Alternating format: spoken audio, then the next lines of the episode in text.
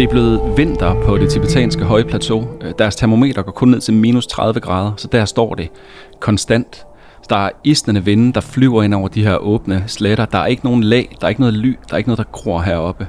Om dagen bliver Heinrich Harre og Peter Aufsneider stigt af solen, og om natten er de ved at få forfrysninger. Deres hår og skæg, det gror fuldstændig vildt.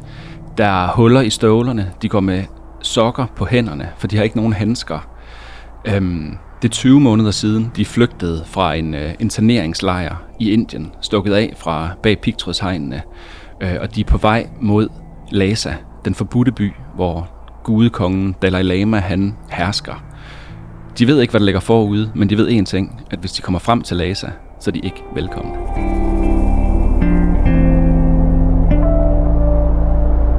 Heinrich Haar, han skriver, jeg havde samme fornemmelse i mellemgulvet, som jeg havde, før jeg besteg Eikers nordside, eller første gang jeg så Nanka Parbat. Ved sådan en lejligheder spørger man sig selv, om ens forhævne ikke er en vanvittig overvurdering af egne kræfter. Man bliver først rolig igen, når det døde punkt er overvundet, og man begynder at handle. Det er sikkert godt, at man ikke på forhånd ved, hvad der forestår. Hvis vi havde haft bare den fjerneste anelse om det, ville vi være vendt om. Men foran os lå jomfrueligt land, som ingen kendte, og på kortene over disse egne førte vores vej gennem lutter hvide pletter.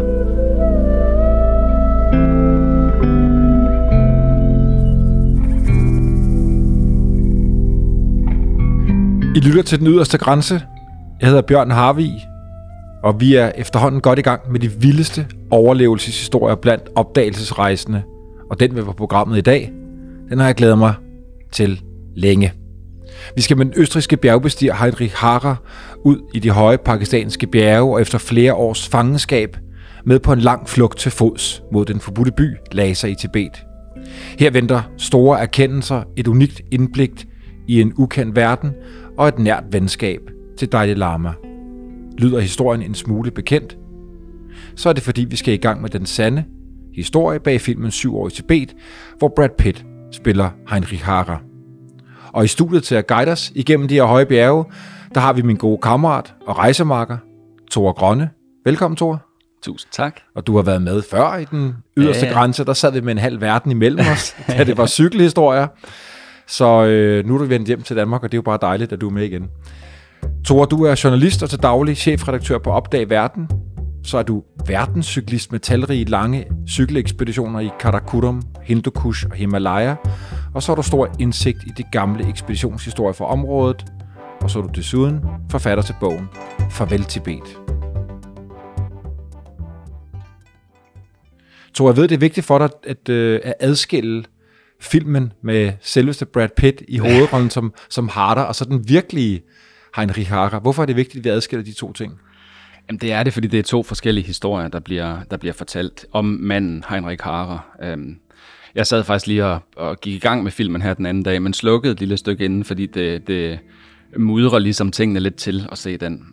I filmen, som der sikkert er nogen, der har set, der har vi jo Heinrich Harrer, der er den her meget egocentrerede øh, bjergbestiger, hvor alle nærmest bare står i vejen for hans egne mål og ambitioner. Dem fejrer han til side på, øh, på meget uschammerende vis øh, gang på gang, øh, for det handler kun om ham selv.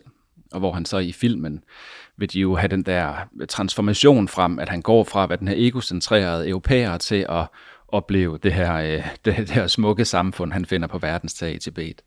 Øhm, men det er ret vigtigt egentlig bare at glemme alt om, fordi det tegner ikke et retfærdigt billede af, hvem Heinrich Harrer han var.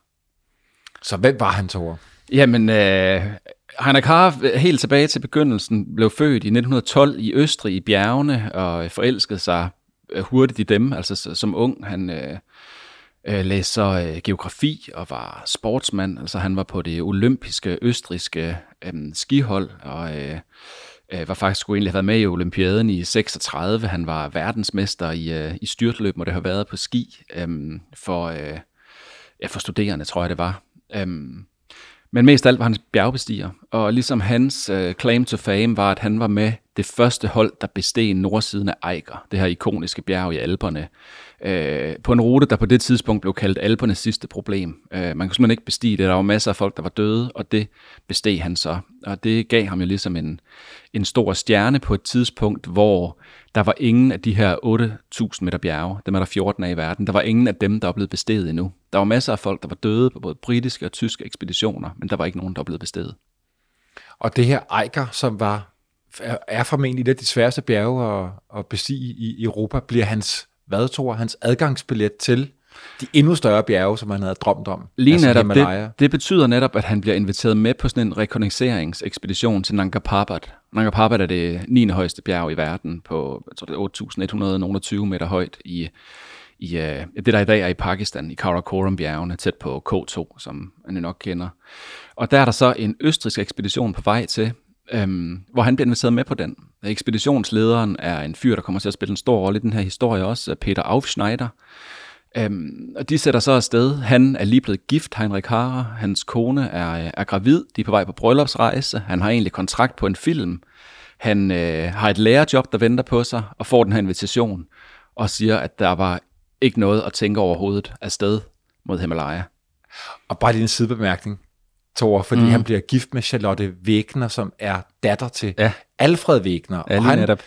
den bemærksomme lytter derude, kender måske navn, fordi Alfred Wegner har været med på store danske ekspeditioner, var med på Danmark-ekspeditionen med Mylius Eriksen, og for 14 dage siden havde vi en, en, en episode med her i den yderste grænse omkring J.P. Cox ekspedition med islandske heste hen over indlandsisen, og der var Wegner med. Jeg synes bare, det var så mærkeligt, at jeg fandt ja. over det her. Og, ja. og, øh, og Charlotte Wegner er jo, er jo så gravid, øh, da han tager afsted, eller hvad, tror Ja, ja, han skal jo være afsted i nogle måneder, ikke? Altså, det er en lang tur på det tidspunkt, for det er jo med, med tog og skib og så videre, og hun er gravid, og han drager så afsted med Peter Aufschneider blandt andet, og de øh, går så op til foden af det her enorme bjerg, Nanga Parbat, der ved jeg, øh, jeg har været der, du har været der. Øh, det er jo bare en koloss af et bjerg, og det er ligesom den vestligste grænse af Himalaya, der ligger her. Og de skal så, det er blevet sådan en national besættelse nærmest for tyskerne bestige det her bjerg. Der er en kendt ekspedition i 34, hvor der er 11 mand, der dør i en lavine på bjerget. Øh. Og bjerget er bare møgfarligt. Altså, det bliver kendt som The Killer Mountain, fordi det bare slår bjergbestiger ihjel som fluer. Altså. Øhm, og men det er egentlig alt sammen bare en, en intro til det, der kommer til at ske. det, er så vildt. Ja. Det er det, der er så vildt, at han, han er afsted på den her ekspedition, og de kommer så ned fra bjerget igen, efter han har været ude og prøve at finde en ny rute, som der så skal en ekspedition på videre. Men det er i sen sommer 39. Pakistan, det er jo stadigvæk en del af Indien på det tidspunkt, og britterne, det er jo en del af deres imperium, imperiet, hvor solen aldrig går ned. Så de kommer ned til Karachi og skal egentlig tilbage til, øh, til Østrig. 2. verdenskrig bryder ud, og de bliver arresteret øh, som, øh, som en del af det tyske imperium. Og øh, Heinrich Harrer, Aufschneider... De bliver, de bliver arresteret af englænderne? De bliver arresteret af englænderne. De ved ikke, at krigen er gået i gang? Det får de at vide af englænderne. Okay. Der er udbrudt krig. Øh, vi er i krig med hinanden nu. Så de bliver simpelthen sat i en interneringslejr, en fangelejr, øh, hvor de først bliver sat ned i det sydlige Indien og sidder bag pigtrådet dernede. Og, og Harrer, øh, han siger, at fra første øjeblik har han flugt i tankerne. Øh, Altså, han skal ikke, han skal ikke sidde i nogen fangelejr. Det gider han ikke høre tale om.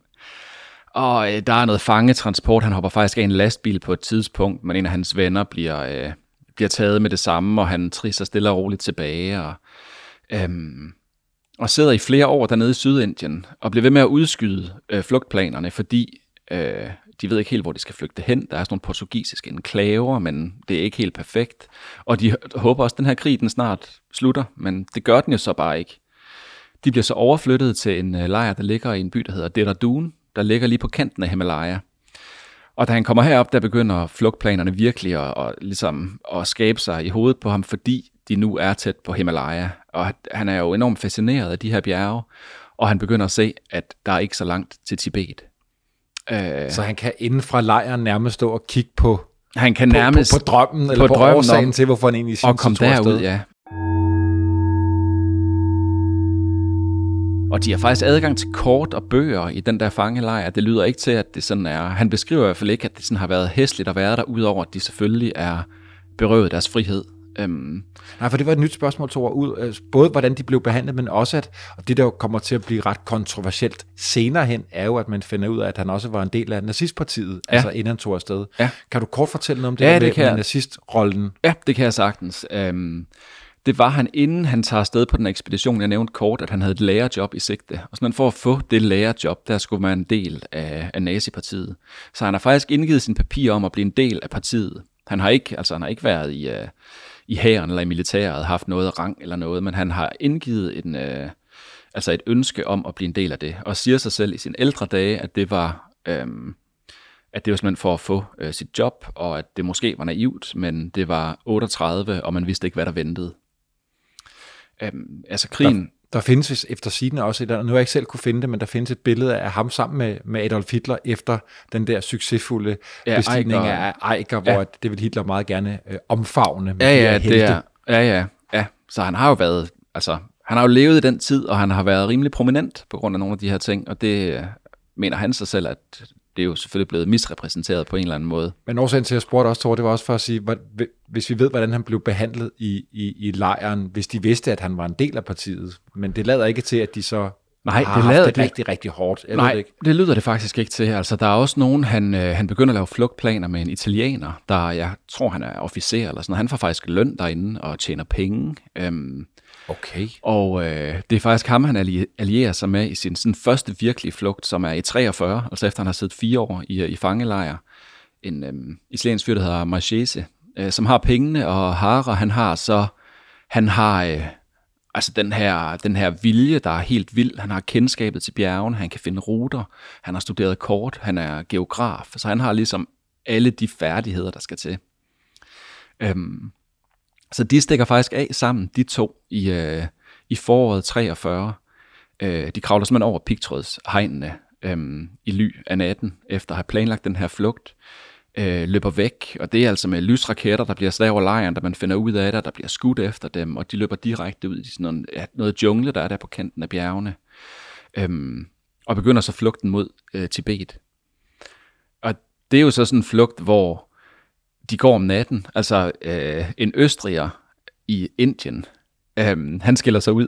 Selvom han har malet sig i hovedet og så videre, så altså, man kan tydeligt se, hvem han er. Så han forklæder sig Det er bare som, sådan? Ja, ja. De har malet sig? Han maler sig brun i hovedet, og historien går, at han er indisk pilgrim på vej mod øh, udspringet af Gangesfloden, som er et stort pilgrimsted, som ligger oppe i det område.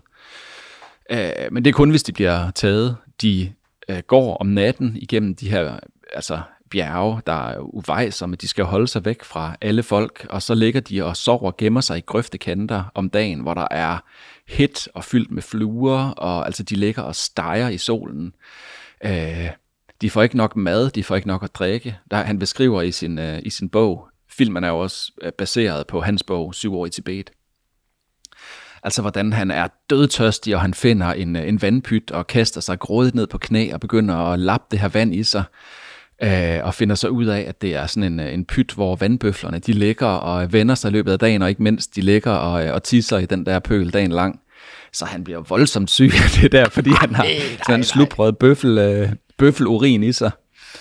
Øhm, og den italienske marker der, han er ikke i lige så god form. Altså Hara har brugt fire år i interneringslejren på at holde sig i form, på at lære sprog, på at lære en smule tibetansk. Han tror egentlig, han skal til Japan først. Han lærer sig selv noget japansk og holde sig selv bare i fysisk topform. Så han er klar til de her strabasser. Og øh, Marchese, han begynder hurtigt at falde fra hinanden. Hara, han går faktisk med begge deres rygsække. Øhm, indtil de så, ja, efter ja, det er en fem uger eller sådan noget, så faktisk ender med at blive, øh, at blive fanget. Altså simpelthen ender med, at der er lokalbefolkning, der ser dem, og de bliver, og de bliver tilbageholdt.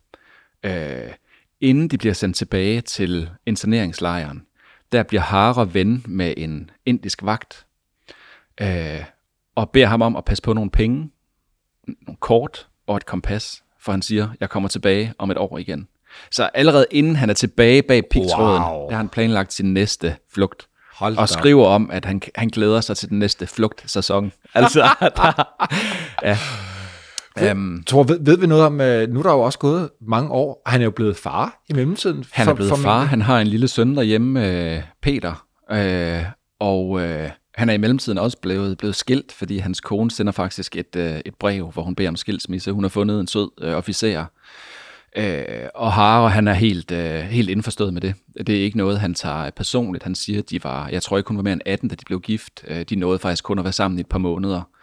Så det kan han godt forstå, at det kan hun ikke vente på, at han, øh, at han sidder, sidder fast derovre og ikke har nogen ikke aner, hvornår han kommer hjem Skriver igen. han noget om den her motivation? Altså den der, nu siger du, han glæder sig til den næste flugt øh, Ja, man kan sæson, se, at han, træner trives, han trives i det på en eller anden måde, lader det til. Men, og, har, men har han Peter foran sig? Har han sin, Nej. sin søn foran sig? Nej. Det er ikke sådan, at Ikke hvad vi ved af. hende? Det skriver han ikke hverken i syv år i Tibet eller i en biografi. Han skriver, øh, altså da han er en gammel mand, øh, kort før han dør, altså da han er i slut 80'erne og starten af 90'erne, der skriver han ikke, at det er motivationen. Altså, øhm, der er ikke så mange, øh, der er ikke så mange følelser omkring. Det lyder det ikke til. Det kommer der senere. Motivationen bliver, jeg skal væk herfra. Her skal Motivationen bliver dage. frihed. Motivationen bliver simpelthen frihed.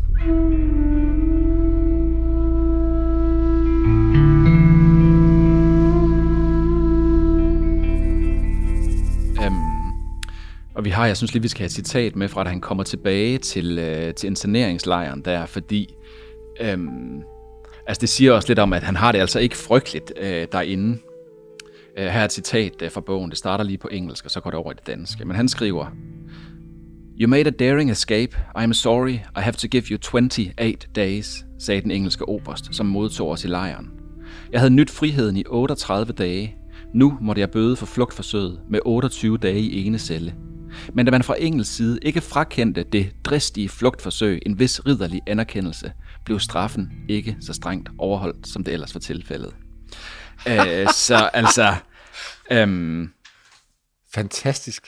Ja, det er meget skægt, ikke? Altså, at, øh, at det lyder ikke til, at han sådan er bange for at komme tilbage, og at de bliver behandlet ordentligt, men det er bare friheden, der lokker. Så han går straks i gang med at planlægge det næste flugtforsøg. Og så bliver det sæson. Så bliver det sæson. Så bliver det foråret 44, og øh, han har planlagt flugtforsøget med, de har lært sig mere sprog. Peter Aufschneider er nu med, den gamle ekspeditionsfører fra Altså, han sidder i samme lejr. Han sidder i samme lejr, og de allierer sig med fem andre mænd, og laver en ret, altså det er sådan helt, øh, altså helt øh, komedieagtig flugt, hvor der simpelthen er to af de her folk, der klæder sig ud som britiske officerer. De har fået nogle gamle kort, de ruller sammen og stikker under armene. Og lige inden flugten er der så fem andre, blandt andet harer, der øh, lader sig kronrave. De maler sig med sværte i hovederne, så de ligner indiske kulier, som de siger. Og så spacerer de simpelthen ud af fangelejren under påskud af at være et hold, der skal reparere pigtrådshegnene. Så de går simpelthen ud med, altså med de to britiske officerer med panden rejst og kuglerne med blikket i jorden, som, øh, som man skal, øh, og går ud i friheden. Og øh, da de så er derude, der spredes de så for alle vinde. De har forskellige planer om, hvor de vil hen, og, og tænker, de klarer sig bedre hver for sig. Altså der så der har faktisk ud alene først. Og viser sig så, at han, altså, han har jo en, øh, han har en meget stærk psyke, og altså bare stålfast vilje, og, øh, og så også bare en jernfysik. Altså, han tilbagelægger helt andre distancer, end han kunne gøre med italienerne året før, og kommer ret hurtigt tilbage op i bjergene, hvor den indiske vagtmand fra, øh, fra den seneste flugtsæson har gemt hans øh, penge Han og op kort og kompas. Han kommer og henter det, og han er glad for at se ham. Øh, og så er han ligesom afsted på det, der så bliver en virkelig, virkelig lang flugt øh, mod Tibet og mod øh, den forbudte by, mod Lhasa. Ved han, hvad der venter? Nej, men det gør han ja både og. Altså, han ved, Tibet venter, og han har jo, øhm, som en hver god eventyr, så er han jo tiltrukket af det mystiske og det ukendte og de høje bjerge. Altså, han går jo rundt i de bjerge, han har drømt om. Og, øh, og man må jo også bare sige, at Tibet er på det tidspunkt et ekstremt mystisk sted. Øhm, Jamen fortæl gerne om det, Thor, altså hvad det er for noget, fordi det er det lukkede land, og, Jamen, det er og, det og lukkede- folk har forsøgt før, og så videre. Folk har forsøgt før. Tibet er simpelthen lukket for udlændinge, og det har det været i lang, lang tid. Tibetanerne har en gammel profeti om, at der vil komme et fremmed folk og tilindegøre gøre deres religion, som virkelig er omdrejningspunktet for deres kultur. Øh, og simpelthen ødelægge landet. Øh, de har så også lidt været, øh, altså ligget midt i det, der hedder The Great Game, øh, mellem altså Sarens Rusland og det britiske imperie, til dels Kina, der kommer ind senere, altså om, om magten i Centralasien. Så de har simpelthen ville være, øh, de har bare ville have, at alle skulle lade dem være i fred deroppe. Og altså i, øh, i slutningen af 1800-tallet, der har vi sådan en, en mindre kavalkade af meget ekscentriske eventyr, der vil frem til Lhasa. Fordi rygtet har jo spredt sig om den her, den, den forbudte by, hvor templernes tage, de er lavet af, af rent guld. Der er den levende gudekonge Dalai Lama, der bor i et kæmpe palads deroppe i uh, Potala, der troner over den her by. Øhm, men altså stadigvæk midt i 1860'erne, altså det er efter britterne, de har opmålt Everest nede fra de indiske sletter, og man har jo kort, der er Tibet bare en hvid plet. Man ved ikke, hvor Lhasa ligger. Så britterne, de sender de her indiske spioner ind, øh, der går afsted, hvor de har altså gemt små instrumenter i deres udstyr. De tæller skridt, de koger vand for at se, hvor højt oppe de er, og laver, laver langsomt kort. Øhm, og så har man så de her vestlige eventyr, der vil prøve at komme frem, og, altså, og det, er nogle, det er nogle helt rablende historier om, altså først er der en, en russisk officer, der prøver at komme frem, og det gør han ved at have, jeg tror det er 9.000 runder ammunition, og nærmest har han her med sig for at, at skyde sig frem til Lhasa. Han når ikke frem.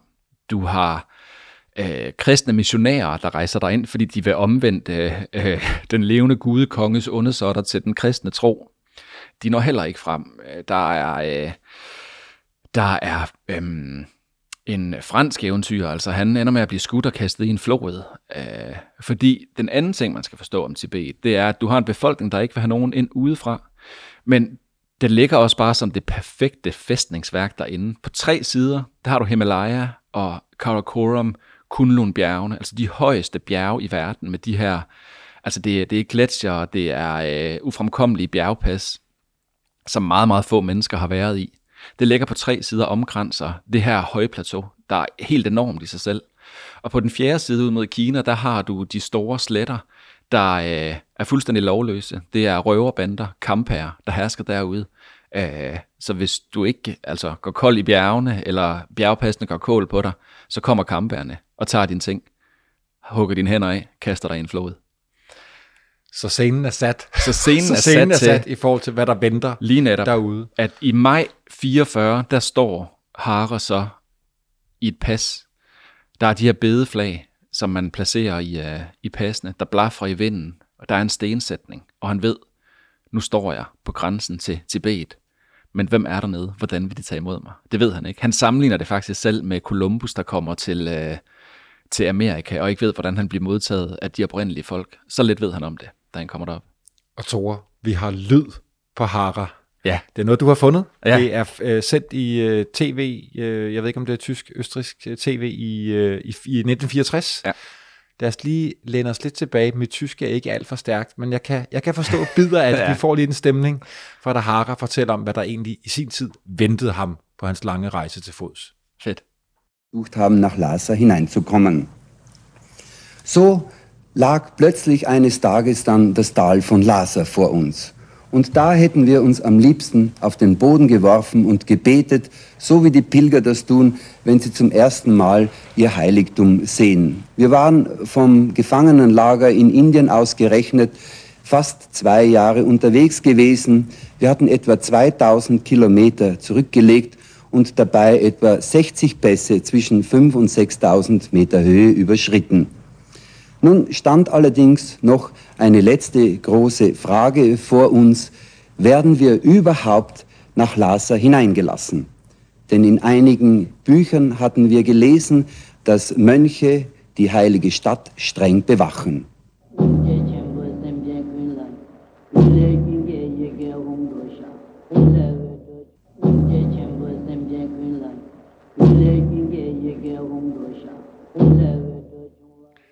Thor, så vidt jeg forstår, så siger han, at vi havde det her foran os. Ja. For han, på et tidspunkt stod han jo ind i sin gamle kammerat. På et tidspunkt stod han ind i sin gamle kammerat Peter Aufschneider. Først der går han med en anden fyr, der hedder, der hedder Kop. Øhm, men det, der sker i løbet af de måneder, der går, det er, at ud af de der syv, der sætter afsted, der falder de simpelthen fra en for en. De giver op på grund af elementerne, øh, på grund af sult. De er jo syge som hunde, altså mens de, øh, mens de går rundt derude, hvor de, øh, at de lider af det ene eller det andet. Og du skal huske, de går jo rundt i de her bjergpas op mod 6.000 meters højde, hvor der ikke altid er, er stiger. Øh, så der er ikke meget ilt i luften, og at det er bare forhold, der tager helt vildt øh, på kroppen. Øhm, Hvordan møder man sin gamle ven? Altså han flygter med Ja. Aufschneider ud af den her lejr, og så i månedsvis er, er de ikke sammen, og så pludselig mødes Ja, de mødes Ved- faktisk ved- flere gange. Jamen, okay. Det, det er simpelthen fordi, at de følger sådan ligesom den samme rute, øh, den samme flugtrute, og nogle gange er der så også gamle handelsruter, karavaneruter, der går over de her bjergpas øh, på grænsen mellem Indien og, øhm, og Tibet. Øhm, Så han møder ham, men først da han kommer ind i Tibet, er det faktisk med en anden. Der er det, der er det med kop, og de kommer så ind og går ned mod altså sådan den første landsby. Og, og altså, skal forestille dig, at man har krydset hovedkæden i Himalaya, de her kæmpe sneklædte bjerge. Øh, og det, altså, det er noget, der kan, det, det, tager jo uger at gå over de der pas nærmest og kommer så ned på de her højsletter. Det er langt over trægrænsen. Der er ikke noget, der vokser herude. Der er ingen beskyttelse mod, mod noget som helst. Og det er altså mest nomadetelte, de finder derude. Nogle få bygninger. Og da de dukker op og finder de første mennesker, får de en helt klar besked. Vend om. Gå tilbage, hvor I kom fra. I er ikke velkomne i Tibet. Wow. Og han finder jo så ud af, at den her gamle profeti betyder, at enhver tibetaner er simpelthen blevet altså, trænet, det er blevet indpodet, at man hjælper ingen udlændinge. Øhm, og det er ikke, altså man skal ikke Er langt... det, er det, er det øh, religiøs overbevisning, eller er det også, at der kan være en eller anden straf forbundet med det? Eller Der hvordan? kan være meget, meget grusomme straffe forbundet med det. Altså man skal ikke lang tid tilbage for Hare kom, før der er eksempler på folk, der har hjulpet udlændinge. Øh, så har de fået hugget øh, hænderne af, fået hugget benene af, fået gravet øjnene ud, og så blevet syet ind i tørret jakskin og kyldet i øh, tang på floden. Øh, der er sådan en is, isflod. Hold nu kæft. Øh, altså, det- det- man skal ikke høre mange af den type historier, for man ikke hjælper udlændinge. Øhm, så der er slet ikke nogen, der vil hjælpe, der vil hjælpe ham. Der er ikke nogen, der vil sælge ham mad. Og det, det bliver det helt store problem, da de kommer ind, at de løber jo simpelthen tør for mad. Nogle gange er de i stand til at bytte sig frem til en smule, men altså så er det sådan noget med, at de sidder og spiser råt kød med madikker. Øh, fordi det er det, de kan finde. Og de finder noget, der hedder, øh, de kan bytte sig til lidt sampa, som er sådan noget... Øh, er ristet øh, bygmel. Noget mel, man egentlig bare blander med vand eller smør til, hvis man kan få fat på det, og så kan man spise det som en suppe eller som sådan nogle dejkugler. Jeg har selv et, en masse af det, det, øh, det er ikke det mest spændende, men det, men det gør, at man kommer over det næste pas. øhm, men de er i Tibet i tre uger, øh, og bliver ved med at få at vide, at I, I skal skride. Vi vil ikke have jer her. Og så går de faktisk ind i, uh, i Ladakh, i det nordlige Indien, over et, et pas, der hedder Shipkila, og ind i, uh, ind i Spitsidalen, uh, der ligger deroppe, der også er sådan kulturelt beslægtet med, med Tibet.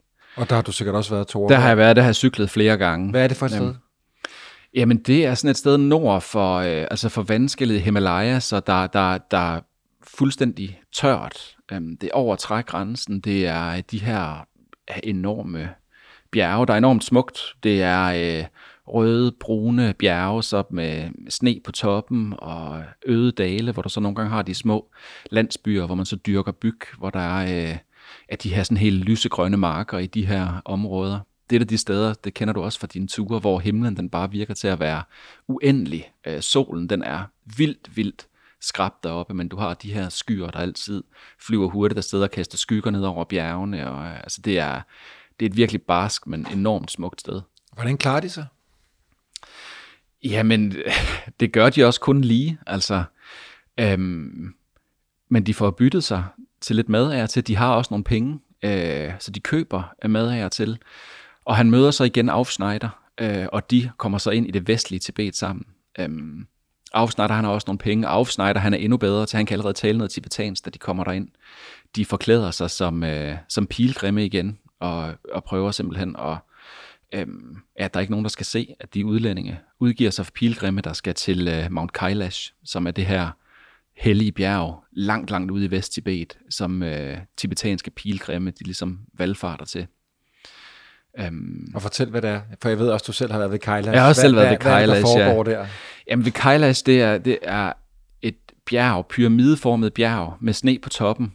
Det eneste bjerg der, der har sne på toppen, hvor øhm, de tibetanske buddhister tror, at du kan øh, blive udfriet fra et helt livs synder ved at gå rundt om det. Øh, de tror på reinkarnation, på karma og samsara, så man kommer derud for simpelthen at, at efterlade sit gamle liv og blive genfødt i det højeste pas på, rundt, på, vej rundt om, øh, på vej rundt om det her bjerg. Det er et helt vildt sted, altså.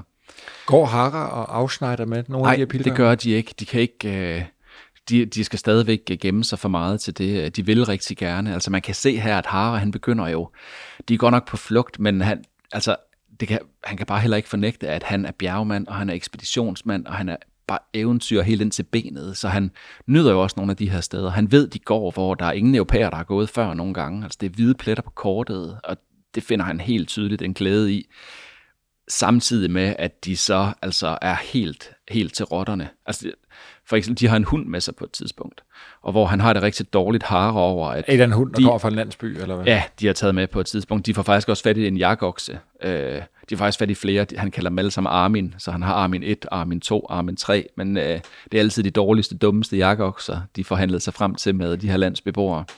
Men altså hunden på et tidspunkt, hvor han siger, at de er skin og ben, afsnejder og harer. Øh, altså det eneste hunden har at leve af, det er deres lort. Det er simpelthen det, den spiser.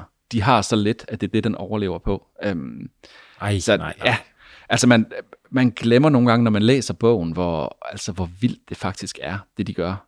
Hvor koldt det er, hvor hårdt det er at være derude. Altså jeg ved fra at have rejst i de områder, øhm, jeg har været der både om vinteren og om, om efteråret, og altså, det er bare brutale, brutale, kolde, øde områder. Der er ingenting.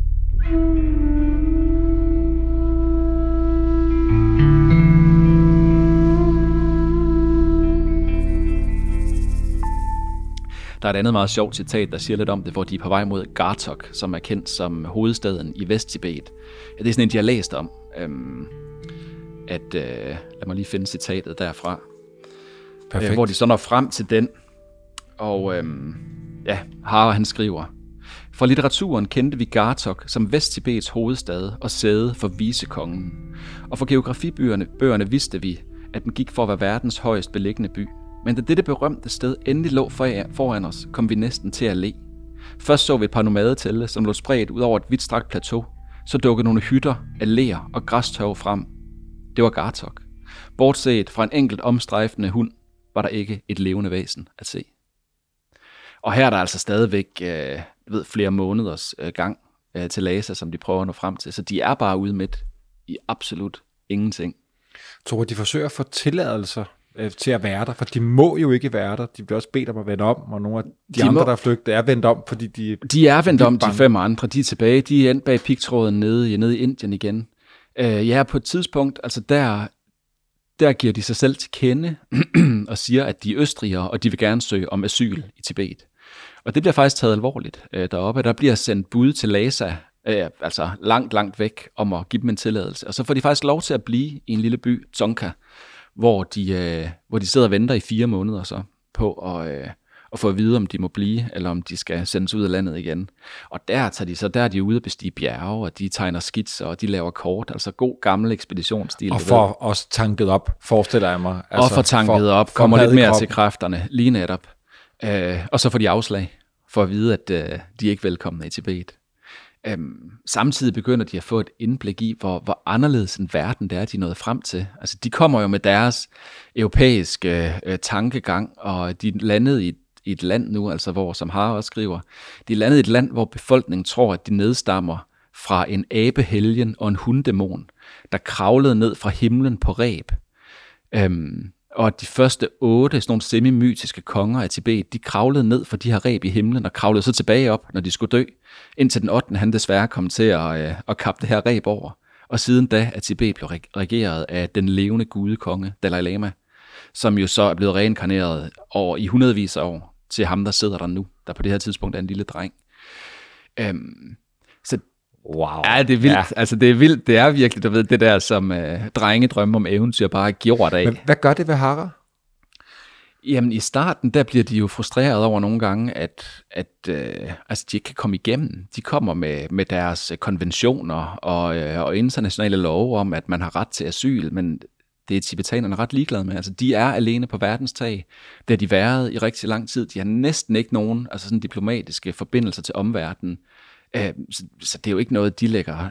Ja, ja, det kan han godt komme og sige, men du er ikke velkommen.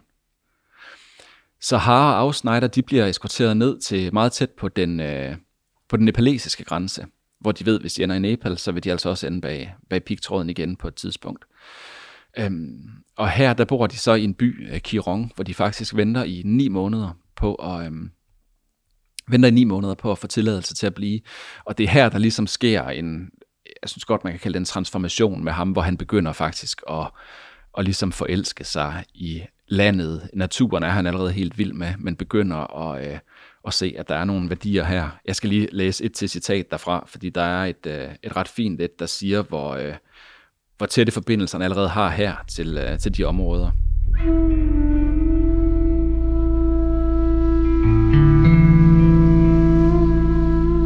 Han skriver, Kirong betyder ordret den lykkelige landsby, og den fortjener virkelig dette navn. Jeg vil aldrig høre op med at længes tilbage dertil, og hvis jeg selv kunne bestemme, hvor jeg skulle tilbringe min livsaften, ville jeg vælge Kirong.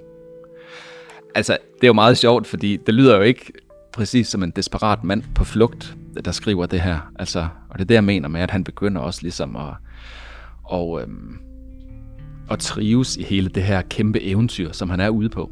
Ja. Du, du nævnte det her med de her morderiske bander, der haver øh, mm-hmm. det højsletterne. Ja.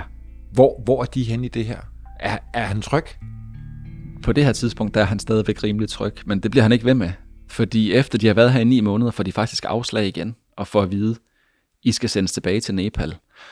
Det har de forberedt sig på, ham og Auf Schneider. Så de, øh, fik, Endnu en escape plan. Endnu en. Altså, der er så mange, og vi er, vi er sprunget over flere af dem. Altså, det, det er, det er jo sådan en, utroligt. en konstant uh, ting med, at de stikker af, de stikker små løgne, de siger, de har tilladelse, som de ikke har, så de er pilgrimme, så de uh, asylansøgere, som de jo egentlig er her. Um, men de fungerer et stort uh, skænderi, hvor Auf Schneider han så uh, stikker af, mens de tror, at uh, de bliver ellers overvåget på det her tidspunkt, selvom de er blevet venner med, med folk i den her landsby. Øhm, og Haro, han, han øh, stikker så også af, øh, og så lige på flugt igen. Og så kommer ligesom øh, altså den helt store, strapasserende tur. Fordi for at komme til Laser derfra, der skal de op over, øh, der er flere ruter at tage. Der er ligesom en velkendt rute. Der er jo karavaner, der rejser herude, altså gamle saltkaravaner, øh, karavaner der med jakokser, der transporterer ting fra det ene sted til det andet. Øhm, men der er de bange for at blive, øh, blive taget til fange, blive opdaget selvfølgelig. Alternativet, det er at gå op over noget, der hedder Shangtang-plateauet, som er et fuldstændig affolket, stormomsust øh, højplateau. Altså, der er ingenting deroppe. Øh, hvide pletter på kortet. Det eneste, de ved, det er, at kampærerne, de her morderiske røvebander, de holder til deroppe. Og det er så den vej, de vælger at gå. Og det er blevet vinter igen.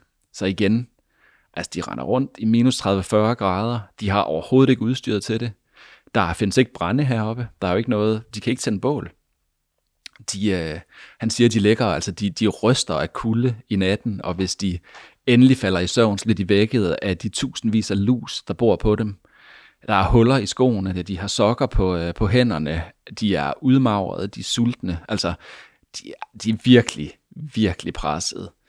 Øhm, men så igen, så finder han de her små lyspunkter i det. Altså, de, øh, på et tidspunkt, der ser de, øh, ser de månen stå op over Everest, øh, som de ser.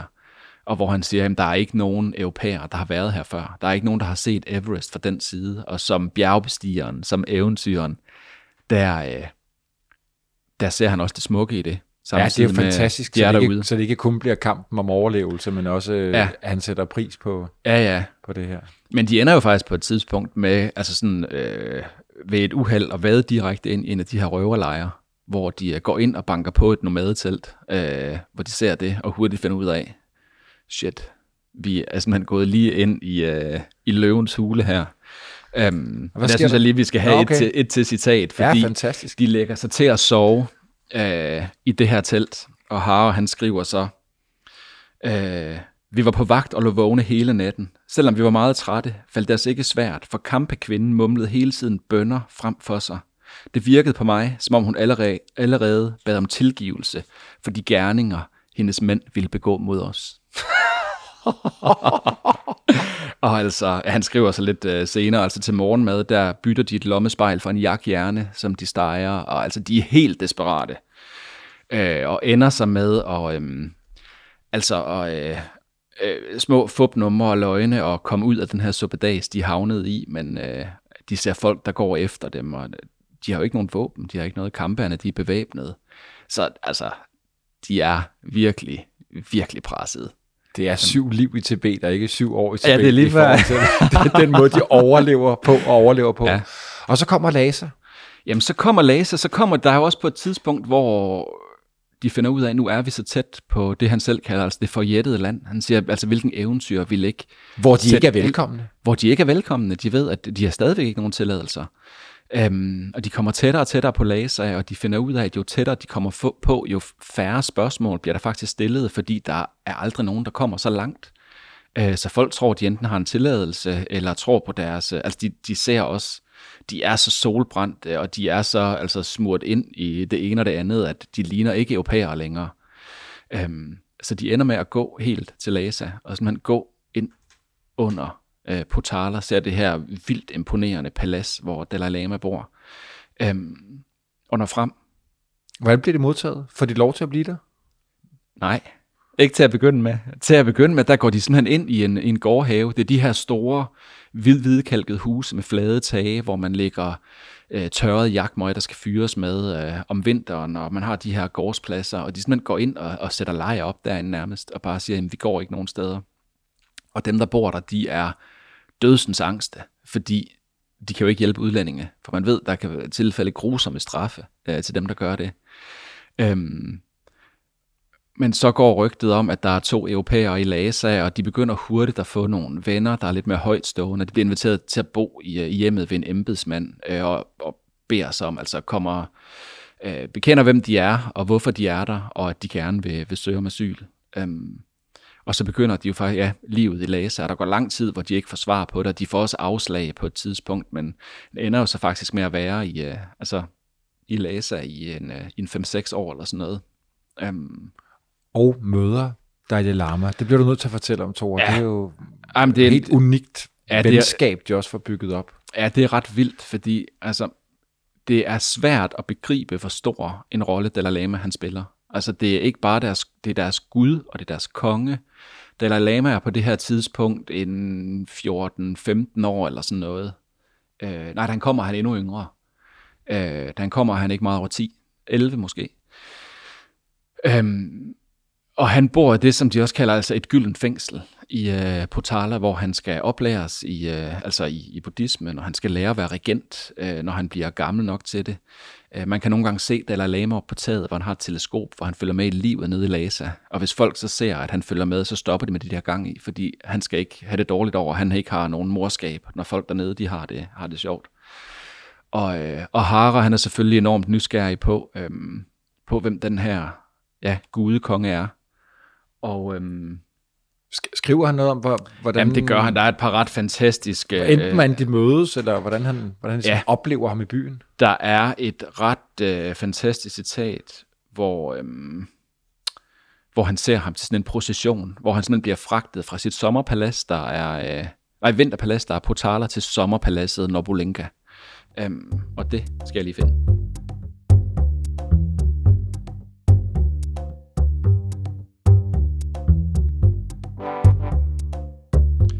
Okay, Sahara og Aufschneider, de står her blandt alle tibetanerne, der, er, øh, der ser deres levende gudekonge blive transporteret gennem gaden, og Hara han skriver, Mængden tav grebet af ærefrygt.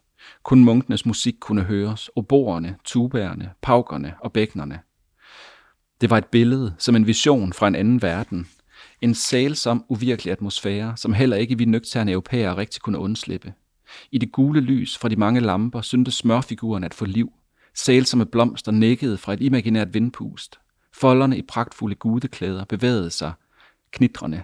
En dæmons fjæs fortrak sig en grimasse. En gud løftede velsignende sin hånd.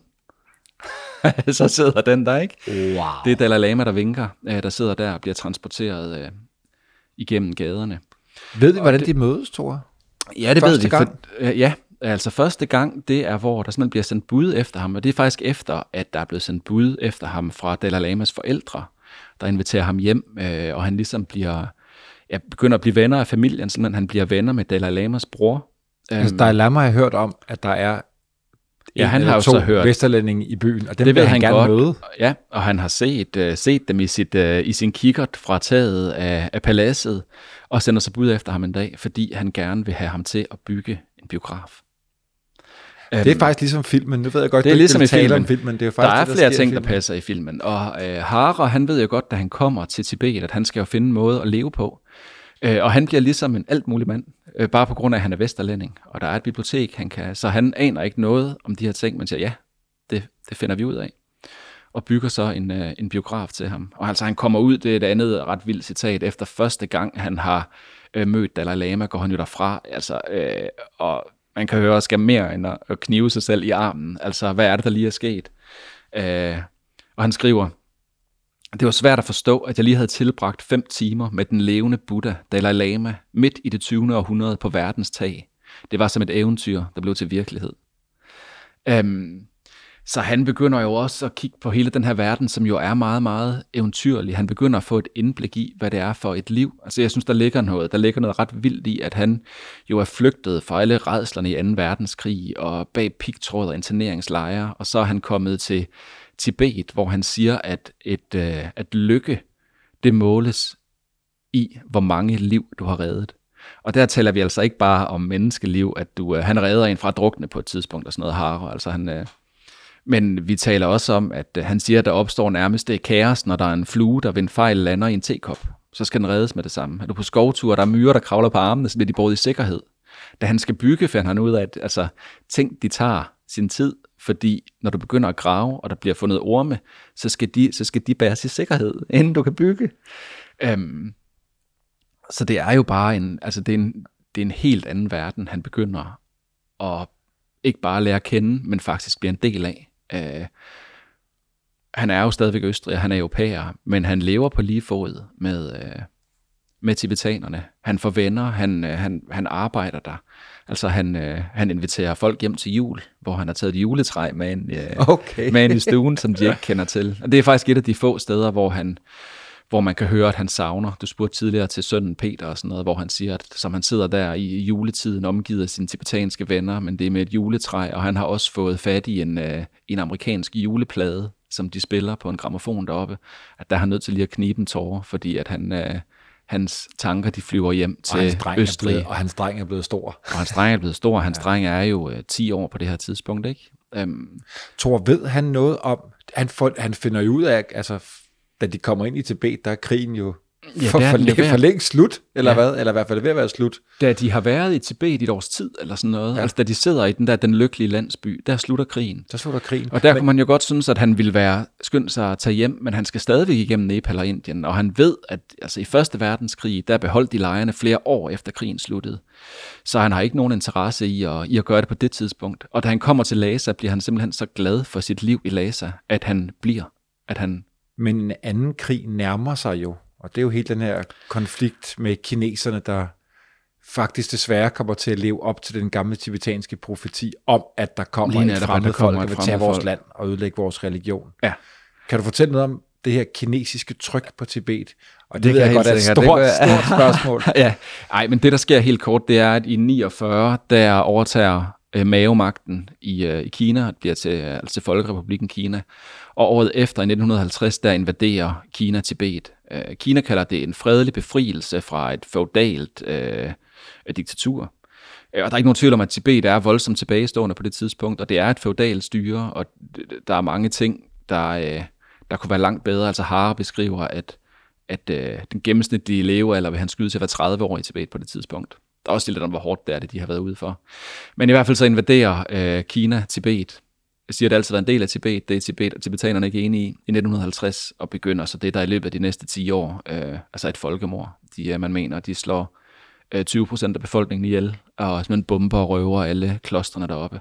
Og det er jo en ekstra Munkene bliver slået ihjel, og bliver tvunget ud af klostrene, og ja, Øh, de skal forsage Dalai Lama, der så senere flygter, flygter i eksil. Han flygter faktisk på samme tidspunkt som Hare på et tidspunkt. For grunden til Hare, han tager ud af Tibet, det er fordi kineserne de kommer. At han drager til Indien øh, i 51.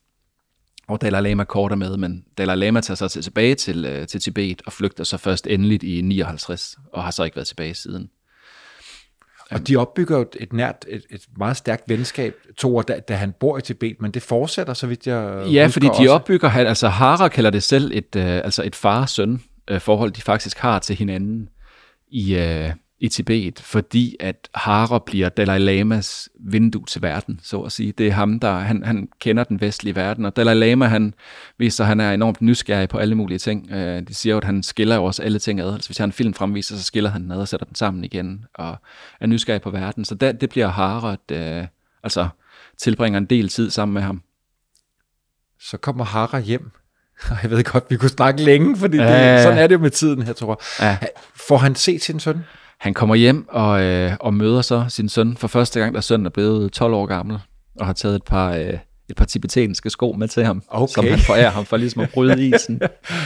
øh, og, og udvikler så et forhold til sin søn. Og så bliver altså, han jo en, en, en kendis. Altså, Ja, han bliver, ja, han bliver, han bliver en kendis. Han kommer hjem, han skriver syv år i Tibet, som sælger millioner af eksemplarer. Han, øhm, han tager på øh, masser af ekspeditioner, altså fra Borneo til Alaska, er den første, der bestiger Karstens pyramide på Ny Guinea, som en af The Seven Summits, øh, og lever bare et eventyrligt liv. Øhm, ja. One of these men spent five years with the Dalai Lama in the forbidden city of Tibet. What is your name, please? My name is Heinrich Harrer. My name is Heinrich Harrer. My name is Heinrich Harrer. Only one of these men is the real Heinrich Harrer. The other two are imposters and will try to fool this panel. Indtil han dør som gammel, er midt i 90'erne næsten. Tore, jeg vil, jeg vil slutte af med et citat. Ja. Nu har du fundet mange, og vi fandt det her sammen, inden vi gik i gang, som er øh, Dalai Lama, der i øh, 2006 skriver en, øh, et brev til Haras øh, nye kone, hvor han øh, fortæller om deres venskab, og hvor meget Hara har, øh, har betydet for tibetanerne. Fedt. Og det vil jeg slutte af med. Tak fordi du var med i dag. Jamen, tusind tak, fordi jeg måtte. First, let me say a few words in Tibetan. En det er der Norge jabu chadang. Ane si Nobel shidi chage ane togjung tungmin aba. Dalai Lama skriver, Da jeg først mødte ham i 1949, var han fra en verden, jeg ikke kendte. Jeg lærte mange ting, især om Europa. Jeg ønsker at udtrykke min store glæde og taknemmelighed for, at han skabte så stor opmærksomhed om Tibet og det tibetanske folk gennem hans meget berømte bog Syv år i Tibet og hans mange foredrag. Hans kærlighed og respekt for det tibetanske folk er meget klar i hans skriverier. Vi føler, at vi har mistet en lojal ven fra Vesten, som havde muligheden for at opleve Tibet i syv lange år, før Tibet mistede sin frihed. Vi, tibetanere, vil altid huske Heinrich Harrer og vil savne ham meget.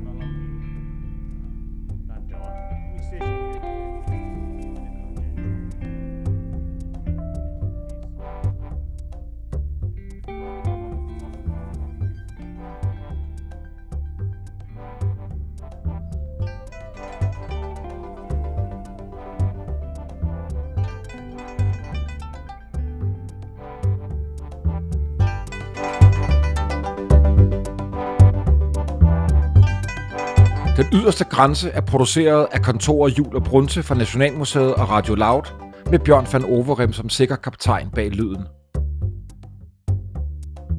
En særlig tak til Alaska Film and Video Production Resource og Arktisk Institut. Find serien på vorestid.dk eller der, hvor du normalt finder dine podcasts.